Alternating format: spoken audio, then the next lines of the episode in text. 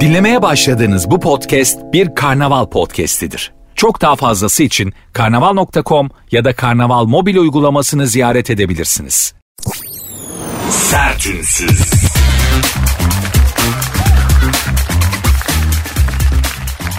Herkese merhaba. Sert Ünsüz başladı. Ben Nuri Özgül. Saat 22'ye kadar beraberiz. Son dakika haberi gözüme çarptı bir saniye. Türk vatandaşı olma şartı değişti. Artık 250 bin dolar yine. 4... Biz mi? Yani şimdi öyle bir son dakika haberi geldi de geçti şeyden. E, Türk vatandaşı olma şartı değişmiş. 250 bin dolar yerine 400 bin dolarmış. Ha şey ha bu ha ha ha tamam özür dilerim. Emlakta yani öyle bir şey var ya 400-250 bin dolarlık ev alırsan otomatikman Türk vatandaşı oluyorsun. Öyle hani haysiyetli misin, karakterli misin, namuslu musun? Hani öyle bir şeye gerek yok. 250 bin doları ver bir ev al. Türkiye Cumhuriyeti vatandaş olursun. Bir anda böyle koskoca Türk tarihi, Türkiye Cumhuriyeti tarihi, Osmanlı tarihi, Selçuklu tarihi falan hepsi senin oluyor. Aynı öyle. Valla 250 bin dolar verirsen Fatih Sultan Mehmet'in torunu olabiliyorsun yani. Güzel iş. Onun rakamı çıkmış 400 bin dolara. Ben önce acaba bizden mi isteyecekler zannettim. Hani çünkü bir o kaldı ya. Hani satılmadık bize çünkü nüfus cüzdanı almak istiyorsun para istiyorlar para ver diyorlar. Abi de bana hani bana onu senin bedava vermen gerekmiyor mu ya? Pasaport istiyorsun mesela pasaportun bir fiyatı var. Sana pasaportu satıyor devlet yani. Niye? Onu da anlamak mümkün değil. Yani ne alsan bir şey artık. Hani hangi hizmet alırsan al. Devletten ya sayaç okumaya gelen adamın maaşını bizden alıyorlar ya parasını. Sayaç okuma bedeli diye bir şey var yani. Ha, bir zahmet onu da siz yapın. Ee, onu da sana kitliyorlar. Ben en son biz Türkiye Cumhuriyeti vatandaşı öyle mi? Nüfus cüzdanı mı istiyorsun? Tamam al 400 bin dolar kardeş kusura bakma diyorlar zannettim ama henüz o noktada değilmişiz. Allah'a şükür. Henüz o noktada değilmişiz. Ben şahsen pazarlık yaparım. Yani hani öyle bir gün gelirse tamam kardeşim sen Türkiye Cumhuriyeti vatandaşı olacaksın ama öylesin ama bir şuraya bir 400 bin dolar vermezsen eh, zor. Abi çok dediniz ya 400 bin dolar fazla yani şimdi. Baktığın zaman bak Amerika 200 bin dolar 200 bin dolara bırakıyor falan diye. Esnafa esnafa kırdırma pazarlığı vardır ya. İki sokak ötede 300 bin dolar be kardeşim falan diye. Allah'ım Allah'ım ne günler geliyor ne günler göreceğiz. Bilmiyorum bu zannediyorum bizi ilgilendiren bir şey değil şimdilik. Yani Arap falan hani Arapları Katarlı kardeşlerimizi ağırlıklı olarak ilgilendiriyor. Biraz bozulmuşlardır zannediyorum. Aa bu nedir canım o kadar da değil falan ama olsun. Onlar için de Türkiye'den rahat yer yok sonuçta. Ne yapalım? 400 bin dolar da fena para değil. Bizlik bir şey değil ama hani daha çok müteahhit kesimi ilgilendiren onları rahatlatacak bir şey. Ki biliyorsunuz ülkenin loko, lokomotifi müteahhitler. Yani Türkiye'nin müteahhit dediğin insan Türkiye'nin temel taşıdır, yapı taşıdır artık. Ha ben isterdim ki sanatçılar, işte bilim adamları, ne bileyim astronotlar, büyük ilahiyatçılar, büyük edebiyatçılar, büyük filozoflar olsun ülkenin temel taşı almadı. Müteahhit. Memleketimizin temel taşı bizi gelecek nurlu ufuklara götürecek insanlar müteahhitler çıktı. Yapacak bir şey yok yani. Ama merak etmeyin saat 22'ye kadar müteahhitlerin, bürokratların, şunların bunların değil benim elimdesiniz. Ve size söz veriyorum saat 22 olduğunda şu anda olduğundan kendinizi daha iyi hissedeceksiniz hanımlar beyler. Programın adı Sert Ünsüz. Ben Nuri Özgül. Programın Instagram ve Twitter adreslerini vereyim. Belki ulaşmak istersiniz. Sert unsuz yazıp sonuna iki alt tire koyuyorsunuz. Benim Instagram adresim de Nuri Ozgul 2021. Sertünsüz.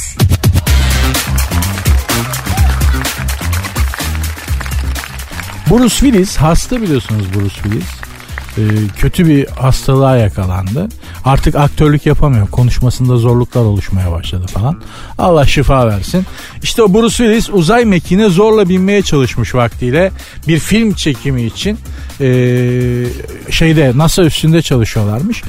Yönetmene demiş ki bak demiş şurada demiş gerçek bir uzay mekiği var. Ben şimdi koşup geleceğim. Sen kayda gir.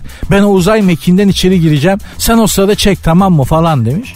Tamam demişler kayda girmişler. Bruce Willis gerçek bir uzay mekiğine NASA'da dalmaya çalışırken bir anda böyle 15-20 tane siyah takım elbiseli siyah gözlüklü insan ejderhası gibi kocaman adamlar etrafını çevirip engel olmuşlar Bruce Willis'e. Bunun içinde Ee, bir sürü böyle 15-20 kişi nereden çıktığını anlamadıkları 15-20 kişi siyah takım elbiseli, siyah gözlüklü, ikişer metre boyunda böyle insan ejderhası adam Bruce Willis'in üstüne çullanıp uzay mekiğine binmesine engel olmuşlar. Ve Monsieur Willis yapmayın lütfen işte tamam size belirlediğimiz alanlarda kalın diye rica etmişler. Şimdi bu olay Türkiye'de olsa mesela bizim uzay üstümüzde olsa ve düşünün mesela e, kim Kenan İmirzalıoğlu film çekimi için işte orada olsa ve dese ki yönetmene çaktırmadan ben şu uzay mekiğinin kapısından içeri dalacağım sen de çek beni falan dese ve bunu yapmaya kalksa Bruce Willis'e yaptıkları gibi yapmazlar bizde. Hani Bruce Willis'e sadece engel olup Monsieur Willis lütfen yapmayın demişler ya. Biz de karakola çekerler. karakola çekerler ve e, çok enteresan uygulamalar yaparlar. Zaten nöbetçi komiserde benim ben buna şahit olmuştum çünkü. Benim nöbetimde sen suç işlemeye utanmıyor musun lan diye adama dalmıştı. Hani suç işlediği için falan değil ha. Benim nöbetimde yani. Ben nöbetçiyken sen nasıl suç işlersin diye. Nasıl bir ego varsa komiser arkadaşta çok uzun zaman önceydi ama. Bunu da Kenan İmirzalıoğlu yapsa Bruce Willis yerine ben niye Kenan İmirzalıoğlu gibi zor bir ismi örnek seçtim bilmiyorum ama değil mi? O yapsa karakola çekerler sorguda bir seans döverler. Ondan sonra biri daha ondan sonra milli istihbarat gelir. Sen hangi terör örgütündensin lan? Kimin adına çalışıyorsun oğlum diye. Bir seans onlar geçer. Bizde öyledir. Bir suç işlediğin zaman böyle netameli bir suç hemen hangi örgüttensin diye sorarlar. Fakat benim anlamadığım şu. Neden Bruce Willis'in uzay mekiğinin kapısından geçmesi içeriye girmesi bu kadar sert bir şekilde engel olundu.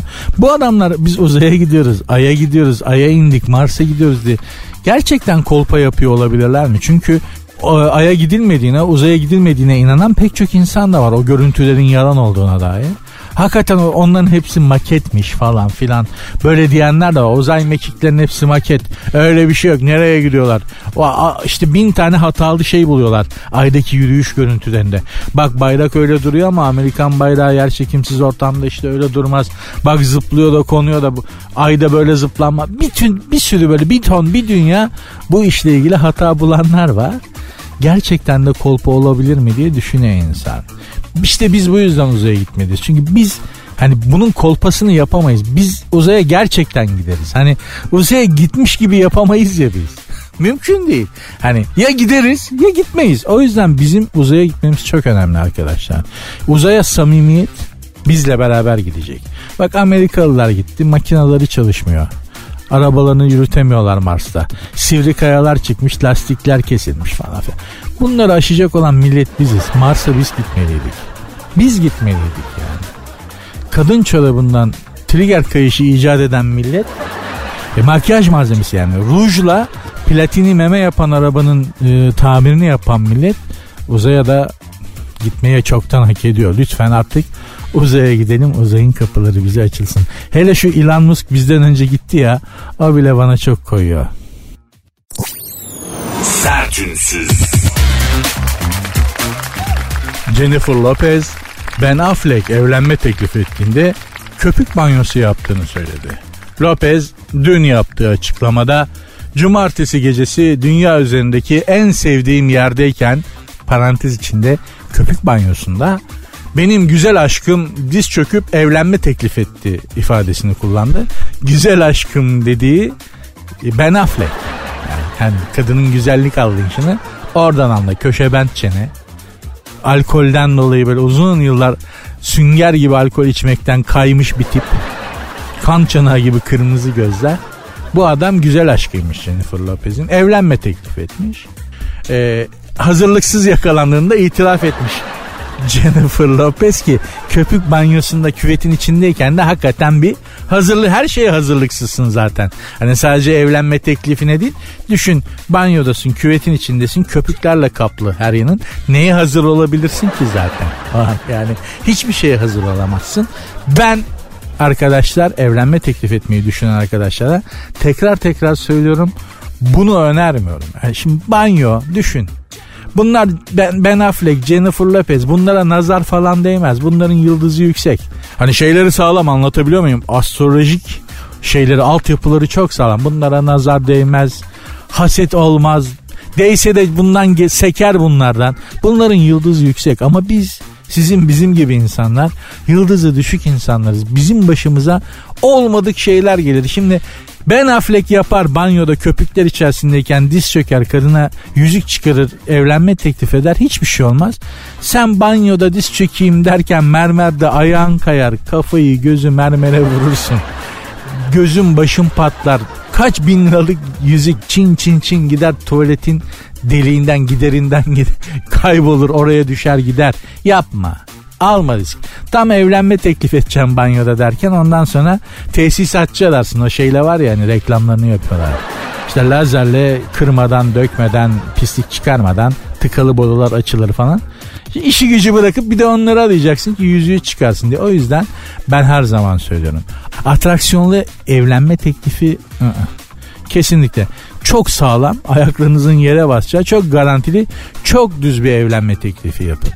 Asıl şovu evlendikten sonra yaparsınız. Anlatabiliyor muyum? Ama yok işte paraşütle atlarken evlenme te- paraşüt açılmaz. Denize dalalım gelir köpek balığı ısırır. Anlatabiliyor muyum?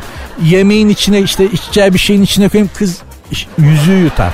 Mutlaka bir şeyler ters gider. Çünkü bizler yıldızı düşük, şey enerjisi şey insanlarız bu konularda. Yani negatif insanlarız. Üzerimizde çok fazla zaten ağırlık var gördüğünüz gibi. Her zaman söylüyorum. Yani ülkenin tümüne kurşun döktürmek mümkün olsa bütün Türkiye'ye böyle çıs diye kurşun döktürelim. Nazar dağılsın. Gerçekten üzerimizde çok nazar var.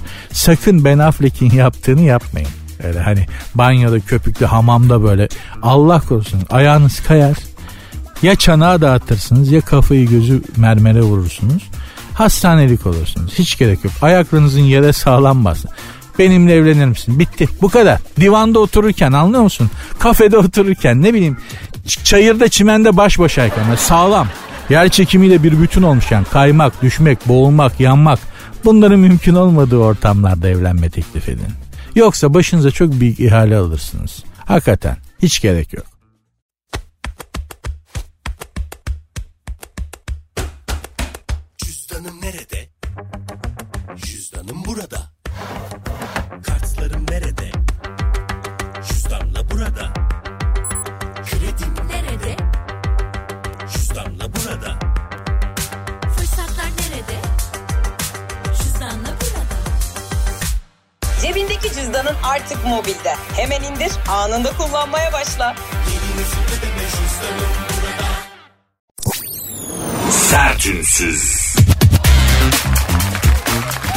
Sertünsüz devam ediyor hanımlar beyler. Tır Şoförleri Derneği'nin başkanı e, şöyle bir açıklamada bulunmuş. Dün sosyal medyada çok tartışıldı bu. Tır şoförü beyin göçümüz var. Demiş ki tır şoförü beyin göçümüz var demiş tır şoförleri başkanı. İşte sosyal medya hemen ikiye bölünüyor. Tır şoförü olmak için beyin şart mı? Beyin göçü bu demek mi falan gibi. Tır şoförü olmak için beyin şart. Hiç tır yanaştırmayı denediniz mi? Yani tır kullanmayı denediniz mi? Ben denedim. Yapamadım. Kullanamadım. Mümkün değil. Gerçekten çok sağlam beyin lazım. El göz koordinasyonu lazım. Bir de bu adamlar bizim yani böyle hani 100 metre düz gitmeyi başaramadığımız o arabaları geri geri araba mesela 30 metre araba geri geri iki aracın arasına sokuyor o tırı. Tabii ki tır şoförü olmak için çok iyi bir beyin lazım. Çok iyi bir beyin ve el göz koordinasyonu lazım. Tır şoförü beyin göçümüz var dediği şu. Tır şoförleri bile artık yurt dışında biz buradan daha iyi maaş kazanıyorlarmış. Yani İngiltere'de mesela tırım tırım tır şoförü arıyor İngilizler. Yok İngilizler de oradan şikayetçi. Bizimkiler de diyor ki lan orada bir boşluk var. Çünkü İngiliz tır şoförleri de gidip Almanya'da çalışıyorlar. Onlara da Almanya'yı para veriyor. Bizimkiler de İngiltere'ye gidiyorlar. Almanya'ya gidiyorlar. Neden? Eskiden ya doktorlar gidiyor diye üzülüyor. Mühendisler gidiyor. İyi yetişmiş yüksek matematikçiler gidiyor diye üzülüyorduk. Şimdi tır şoförleri de gitmeye başladı. Ya yakında kedi köpek ülkeyi terk edecek diye korkuyorum ben. Gerçekten bak hani güvercinler gidecek. Abi Venedik'te karnımız daha iyi doyuyor ya. Bu Eminönü'nde artık eh, İş yok. Ekmek kalmadı diye. Güvercinler Venedik'e gidecek. Kediler Viyana'ya gidecek falan diye. O kadar korkuyorum ki. Balıklar zaten denizlerimizi terk etti. Gerçi balık dediğimiz hayvan bütün denizlerden çekilmek üzere ama Hani yani memleketten artık tır şoförleri de gidiyor. Ondan sonra mesela şeyler kayboldu. Onlar bir yere mi gitti? Temizliğe gelen hanımlar vardı ya temizlikçi kadın tabir ettiğimiz. Bulunmuyorlar artık farkında mısınız? Onlara da çaktırmadan Rusya Musya mı iyi para ver? Arabistan'a mı gittiler ne oldular? Onlar da yok mesela. Farkında mısınız? Böyle el altından çekilen meslekler olmaya başladı.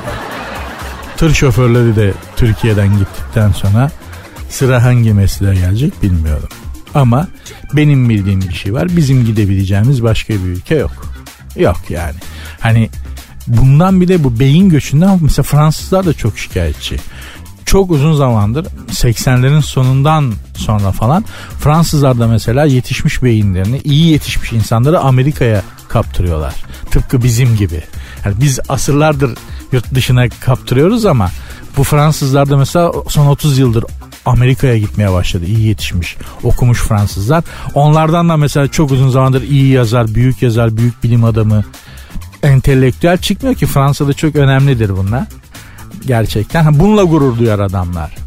Ya düşünebiliyor musunuz? Hani Charles de Gaulle Fransız general Fransız işte 2. Dünya Savaşı'nda Fransa'nın kurtuluşunda çok önemli rol oynamış bir milli kahramana Jean-Paul Sartre bir filozof fırça kaydı. Dediler ki Charles de Gaulle. Ne diyorsunuz bu Jean-Paul Sartre size ters yapıyor.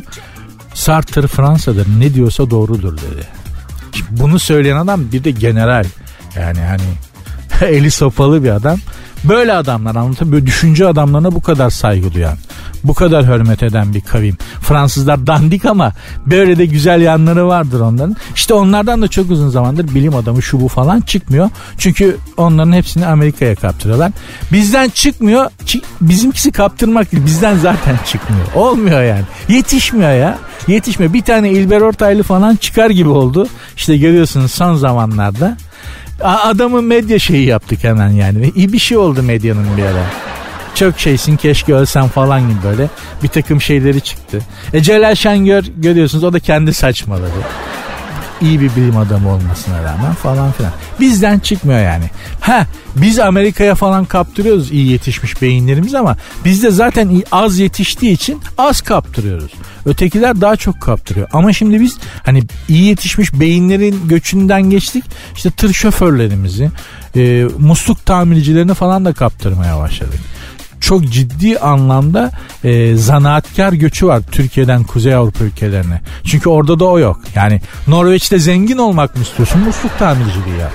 Hani çünkü orada da herkes beyin ya. Felsefe okumuş, şu okumuş, bu okumuş.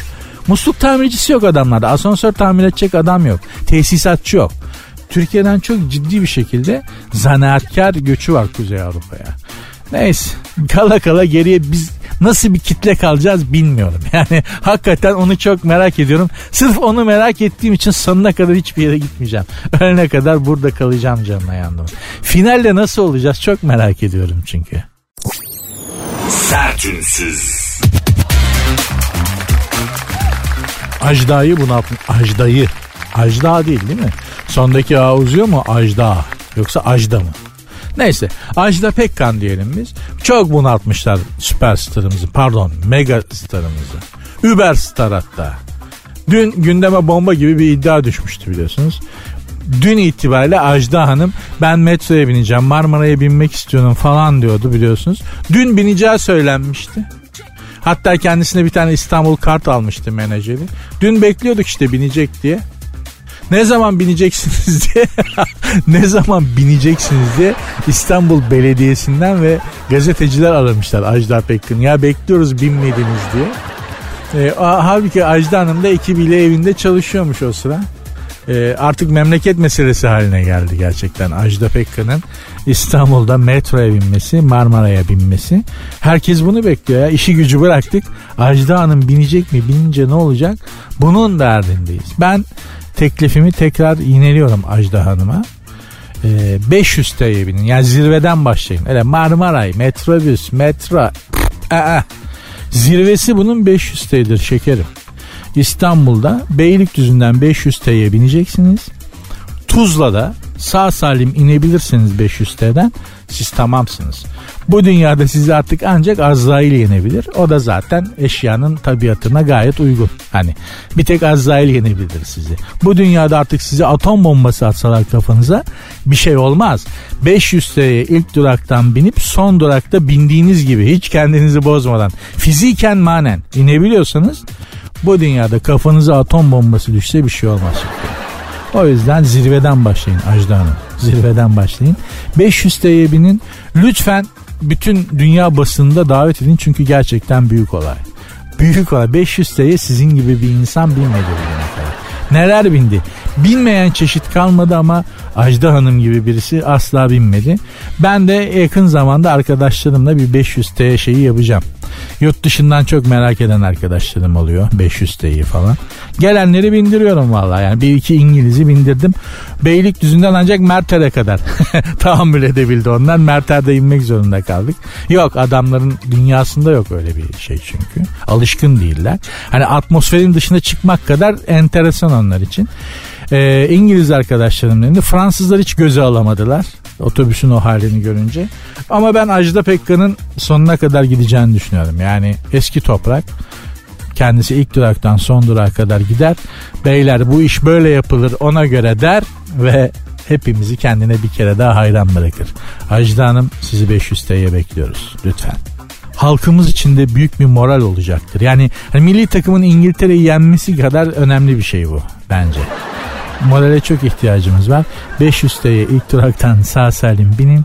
Son durakta sağ salim inin lütfen. Sertünsüz. Arkadaşlar şu Rihanna doğursa da bir rahat etsek ya. ya yani şimdi Rihanna biliyorsunuz hamile. Yani bilmeyen kalmadı herhalde değil mi? Yani benim Robin köpeğim Robin bile biliyor artık yani Rihanna hamile. Kadın da bu halini hamileliğini gözümüze sokacak şekilde transparan giyiniyor. Yani o karnını falan bütün fiziğini ortaya koyacak şeyler giyiyor böyle gösteriyor gözümüze gözümüze sokuyor. Ben hamileyim diye falan. Hakikaten doğursa ben rahatlayacağım. Yani beni al basıyor anlıyor musun? Yani hamile olan o ama hafakanlar bana geliyor. Ne olur artık doğur yeter diye böyle. İmdat diye bağırısım var. Meğerse neymiş ne kadar kalmış Rihanna'nın doğumuna? Yok yazmıyor da kadın bu kadın bakayım çok da anlamam ama hani bir 7-8 aylık var gibi. E hadi be kardeşim. Hala bunun işte kıyafetler giyiyormuş da onları göz Ay Allah aşkına ya. Doğru artık da hepimiz rahat edelim be kardeşim. Dün düdüklü tencereyle ilgili bir haber okumuştum. Biliyorsunuz e, düdüklü, e, düdüklü tencere kazalarından dolayı hastanelerin özel servislerine çok fazla başvuruda bulunulmuş. Ben de bunun gerçekten ciddi bir fobi olduğunu henüz e, bilimsel literatüre geçmeyen değil mi? İşte kapalı alan korkusu mesela agorafobi değil mi? Böcek korkusu vardı. Neydi o? Bir şey fobi. Fobi fobi bilmem ne fobi bir şey fobi diye böyle fobiler var. Bu henüz bilimsel olarak isimlendirilmemiş. Düdüklü tencere patlayacak korkusu. Ama bence böyle bir korku var ve pek çoğumuzda var ve çoğumuz çocuklukta ediniyoruz bu korkuyu. Yani annemiz bir yere giderken ben de öyle oluştu mesela. Annem bir yere giderken işte düdüklü tencerede yemeği bırakırdı. Yarım saat sonra altını kız sakın kurcalama patlar derdi mesela. O korku bana öyle gibi. Daha sonra karşı komşumda yetişkinlik zamanlarında karşı komşumda düdüklü tencere patladı. İşkembe pişiriyormuş düdüklü tencerede. Bütün mutfağın dekorasyonu duvarları işkembeydi. Yapışmışlar duvarlara falan. Kadıncağız yaralı yüzü falan. Dolayısıyla da düdüklü tencere fobisi gerçekten çok önemli bir fobidir. Bunu söylemiştim. Bundan bahsetmiştim. Ee, şey çok çeşitli yerlerden düdüklü tencere imalatçı, imalatçıları bana ulaştılar. Abi İzmir'de düdüklü tencere imalatıyla ulaşan kobileriz. Düdüklü tenceremize güveniyoruz. Hatta sizin şeyden sonra çok uğraştık patlatamadık. Size de takdim etmek isteriz düdüklü tenceremizden falan gibi. yani ben öyle bir şey istemiyorum. Çok teşekkür ederim. Patlamıyorsa patlamıyordur. İnanırım bana düdüklü tencere göndermenize gerek yok ama hani mesela Almanya'dan Özlem var. Özlem bile dedi ki biz düdük patlamayan düdüklü tencere yaptık. Bak ben satışını yapıyorum falan dedi kendisi. Sağ olsun. Benim düdüklü tencerem var arkadaşlar. Yani düdüklü tencerem patladı da te, düdüklü tenceresiz kaldım demedim. Bu bir fobiymiş meğerse dedim. Demek ki patlamayan da yapılıyormuş. Arayın bulun artık ne diyeyim ben. Ama hayatta da böyle şeyler var. Böyle sıkıntılar var ya. Yani ne büyük problemlerle uğraşıyorsunuz. Düşünün çoluk çocuk geçindirmek, kendi dertleriniz, hayatın dertleri, bir sürü anlamsız dertlerin ortasında. Mesela düdüklü tencerenin düdüğü bozuldu diye bir dert var ya. Ya bu bir dert yani anlıyor musun? Bu bir problem. Tamir edilmesi gereken bir şey ya. Düdüklü tencerenin düdüğü de bozuluyor canına yani. O da bir problem yani. Bu kadar detayın arasında boğuluyoruz. Bu kadar detay problemin arasında boğuluyoruz maalesef. Yani ilk çağlar ne güzeldi abi. Tek derdin ne? Hayatta kalmak. Dinozor beni yemesin. Bir de mağaraya et getireyim. Bak başka problem yok. Tertemiz bir hayatmış yani. Neden bu kadar dallandırıp budaklandırdık ya? Düdüklü tencerenin düdüğü bozulmuş diye bir problem olabilir mi ya? Var ama. Ne yaparsın ki var. Kullanmayın. Düdüklü tencerenin düdüğü bozuk tencereyi kullanmayın arkadaşlar. Patlıyor. Patlıyor. Sertünsüz.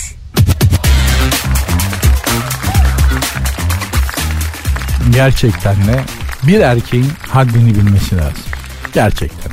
Yani her insanın haddini bilmesi lazım ama bir erkeğin e, aşk bahsinde, kadın bahsinde haddini bilmesi lazım. Ne demek istiyorum? Prenses Mako vardı. Japon prensesi. Bu prenses hatırlarsınız halktan biriyle evlendi. Aslında Japon prenseslerinin halktan birileriyle evlenmeleri yasak. Eskiden olsa oğlanın kafasını keserler samuraylar. Kıyma yaparlar adım böyle. Satır kıyması gibi doğrarlardı. Şimdi tabi hani medeniyet ilerledi her şey göz önünde. Yapamıyorlar. Kızcağız bütün prenseslik kraliyet haklarından vazgeçti ve bu üniversite tanıştı. Bu ipsiz sapsız oğlanla evlendi. Kendisine teklif edilen bir buçuk milyon doları da reddetti. Yani sefil olmasın kraliyeti bıraktı ama ne de olsa kraliyet ailesindendir. Asildir sağda solda sefil olmasın diye bir buçuk milyon dolar bir ödenek ayırmışlar buna devlet bütçesinden. Kız dedi ki ben dedi o garip gurebanın hakkıdır. Japon halkının vergilerinin şeyidir dedi. Bana dedi yakışmaz dedi. Helal olsun. Çok büyük hareket. Almadı o parayı da. Buyur. Oğlan da avukatmış. Avukatlık sınavlarına girmiş. Başarısız olmuş. Serseri. 4800 dolar kira ödüyorlarmış tek odalı dairede. Ya sen Japon prensesini almışsın. Kırlentin, dantelin, saten çarşafların, goblenlerin, Çin porselenlerin içinden. Getirip New York'ta tek odalı bir daireye tıkmışsın. Ne o? O seni seviyor sen. Ya oğlum kıza biraz baksana ya. Kıza biraz baksana. Hiç olmazsa avukat olsaydın, işini, maaşını eline alsaydın da öyle evlenseydin kızla. Onu da yapmamış serseri. Tek göz odada, tek göz odada maaş yok, bir şey yok. Kızcağız da gönüllü bir sanat galerisinde çalışıyormuş. E bu bir de prenses. Hiçbir şey bilmez. Yani buna çalış desen elinde bir sanatı yok. Hani evlere temizliğe git desen yapamaz. Evi yakar. Bilmiyor çünkü. Ayıp değil yani. Bilmiyor. Öyle yetişmemiş. Bilmeyen birini ayıplamak yanlış bir şey. Bilmediği için. E ne olacak şimdi? Hadi buyur. Buradan hepimiz erkekler olarak ders çıkarmalıyız böyle. Yani kız beni seviyor diye. Kız dese bile ben seninle gelirim her türlü sefalete varım diye. Ee, olmadı bak. Koskoca Japon prensesi ya. Bu güneşin kızı deniyor buna. Yani güneşin kızı olduğu düşünülüyor bunun. Öyle inanılıyor. Sen bunu alıyorsun New York'ta bir tane tek göz odaya tıkıyorsun. Ekmek yok. Tuz yok. Soğan yok. Hiçbir şey yok. Serseriye bak. Japon'a bak ya.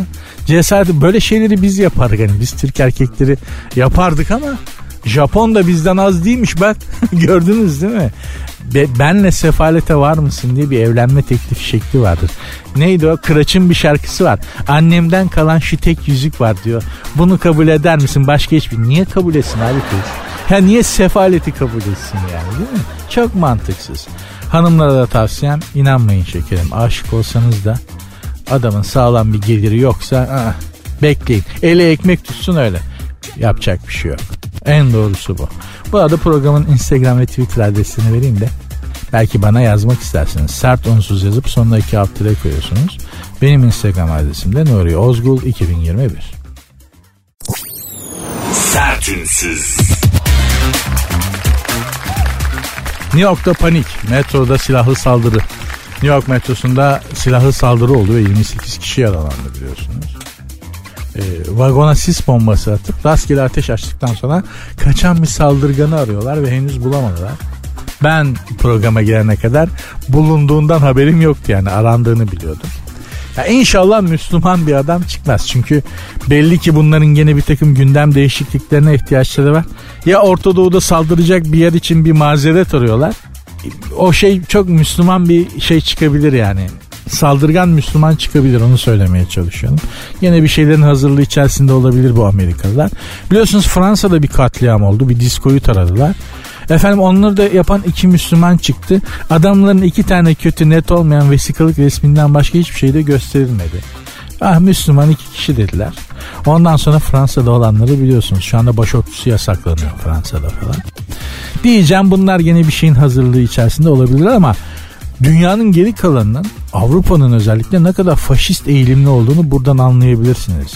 İşte eğer o katliamı yapan bir Müslümansa barbar, ilkel, yam yam, aşağılık artık her türlü sıfatı koyuyorlar üstüne. İslami terörist falan diyorlar. Ama bu katliamı ger- gerçekleştiren bir Hristiyansa Norveç'te falan olduğu gibi yalnız kurt diyorlar. Bak nasıl kendi kendi dinlerinden olduğu zaman Hristiyan bir e, sarışın mavi gözlü bir e, terörist bunu yaptığı zaman adı yalnız kurt oluyor. Amerika'da falan böyle dürbünlü tefekle uzaktan insanları öldüren seri katiller var manyaklar falan. Onlar Hristiyansa yalnız kurt. İşte gece baykuşu falan gibi böyle maço isimler koyuyorlar. Müslümansa o sıfatında her türlü aşağılık şeyi ekliyorlar. Suçu işleyenin dinine göre sıfatlandırıyorlar yani anlatabiliyor muyum? Dolayısıyla da hanımlar beyler dünya gitgide daha karmaşık bir yer haline geliyor. Bunun kötü yanı şu. Eskiden daha rahat gezebiliyorduk. Şimdi her şey düzeldiğinde o kadar rahat gezemeyeceğiz. Bunun da üzücü yanı, üzüntü veren yanı şu. Dünya çok güzel. Dünyayı gezmek, görmek, başka kültürden insanlarla tanışmak çok güzel. Ve gerçekten işin içinde siyaset olmadığında herkesle her milletin insanla çok rahat anlaşabildiğinizi görüyorsunuz. Yani güler yüzle sohbet ediyorsunuz, muhabbet ediyorsunuz. Nereden geldiğinizi söylüyorsunuz. Kendi kültürünüzden bahsediyorsunuz. O size bir şey anlatıyor. Beraber bir şey yapıyorsunuz. Milliyeti ne olursa olsun ırkı ne olursa olsun hiç fark etmiyor. Herkes de şunu fark ediyorsunuz yani dünya vatandaşı olmak çok güzel bir şey. Dünyanın başka yerinde insanlarla sohbet etmek, gülmek, eğlenmek, anlaşabilmek insanı çok mutlu ediyor. İşte bunları alıyorlar şimdi elimizden yavaş yavaş. Onu söylemeye çalışıyorum. Sınırlar tekrar yükseliyor ve biz yaşamanın bir dünya vatandaşı olmanın tadını maalesef gene çok uzun yıllar alamayacağız gibi duruyor. O yüzden eğer imkanınız varsa aman diyeyim. Yok biliyorum ama eğer varsa bir turlayın ufaktan. Sağa solu. Çünkü yakında onu da yaptırmayacaklar. Çok belli yani. Sertünsüz. Britney Spears'tan bebek müjdesi. Size de ileteyim de müjdeyi gözünüz aydın. Britney Spears hamileymiş. Nasıl olmuş? Vesayet kalkmış hamile kalmış. Bu ne acele bir kızım hani babasının vesayeti vardı ya üstünde para mara harcayamıyordu. Her şey babasının izniyle oluyordu. O kalkınca daha bir saat geçmeden hamile kalmış kızcağız. Müjde demiş hamileyim ben de bebek doğuracağım. Hiç olmazsa bir bekleseydim bir kırkı çıksaydı be kardeşim yani. Bu nasıl bir sıkıntı? Sen neyin özlemi içerisindesin? Abiritni. Ha? Değil mi yani? Hani yapacak başka bir sürü şey yok mu özgürlüğüne kavuşunca? Hemen mi hamile kaldın? Hemen mi çocuk? Ne oluyor be Britney'cim ya? Bir de kocası da kendinden 12 yaş küçükmüş ki o bizi ilgilendirmez. Tabii ki bu ünlülerin pek çoğunda olduğu gibi bu da spor hocası. Bu spor hocalarında bir şey var. Amerika'da yani. Bizim spor hocalarından bahsetmiyorum ama Amerika'da eve giren spor hocası evin hanımını araklamadan evden çıkmıyor. Bu nasıl bir memleket ya? nasıl bir memleket gerçekten? Kaç yuva yıktı bu spor hocaları Amerika'da? Bak bizdeki spor hocalarından bahsetmiyorum. Ne duydum ne gördüm yani görmüş duymuş olsam söylerim bizde de oluyor diye. Bizdekinden bahsetmiyorum dediğim gibi duymadım görmedim ama bu Amerika'da özellikle ünlüler dünyasında yani spor hocasıyla bir seans şey yapmayan ünlü yok ya. Meşhur kadın yok. Neymiş arkadaş? Testosteron iğnesine basan spor hocasıyım diye ortaya çıkıyor Amerika'da. İlla ki de bir ünlü az ya da çok ünlü bir kadını araklıyor götürüyor.